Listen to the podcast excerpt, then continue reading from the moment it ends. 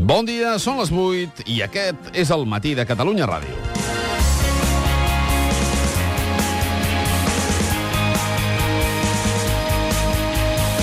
La imatge d'Obama a la porta de Brandenburg, aclamat pels berlinesos, s'ha esfumat en pocs dies. De la visita triomfal a Berlín, eh, fa només 11 dies, semblen anys per la imatge del president dels Estats Units avui.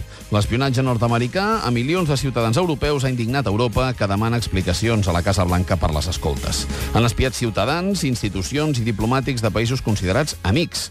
Washington treu importància a les reclamacions de la Unió Europea per les noves revelacions del cas Snowden i es defensa atacant, deixant clar que la seva política inclou recollir dades de tots els països i insinuant que des d'Europa també es fa. Vaja, qualificant d'hipòcrites els qui des d'Europa protesten per les escoltes.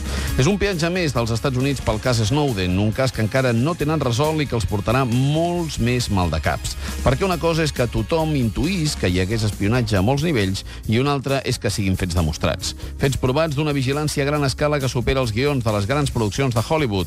I això, cada dades, encara no en tenim ni la meitat.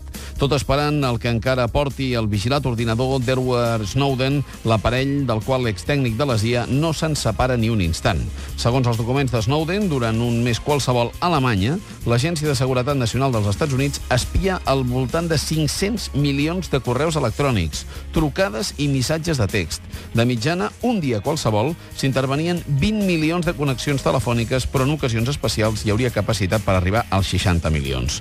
Són xifres desbordants que engreixen el debat sobre la llibertat dels ciutadans, debat sobre què és prioritari, garantir la seguretat o la llibertat individual individual, o sobre si el que fa Snowden és traïció o si treballa per garantir els drets dels ciutadans.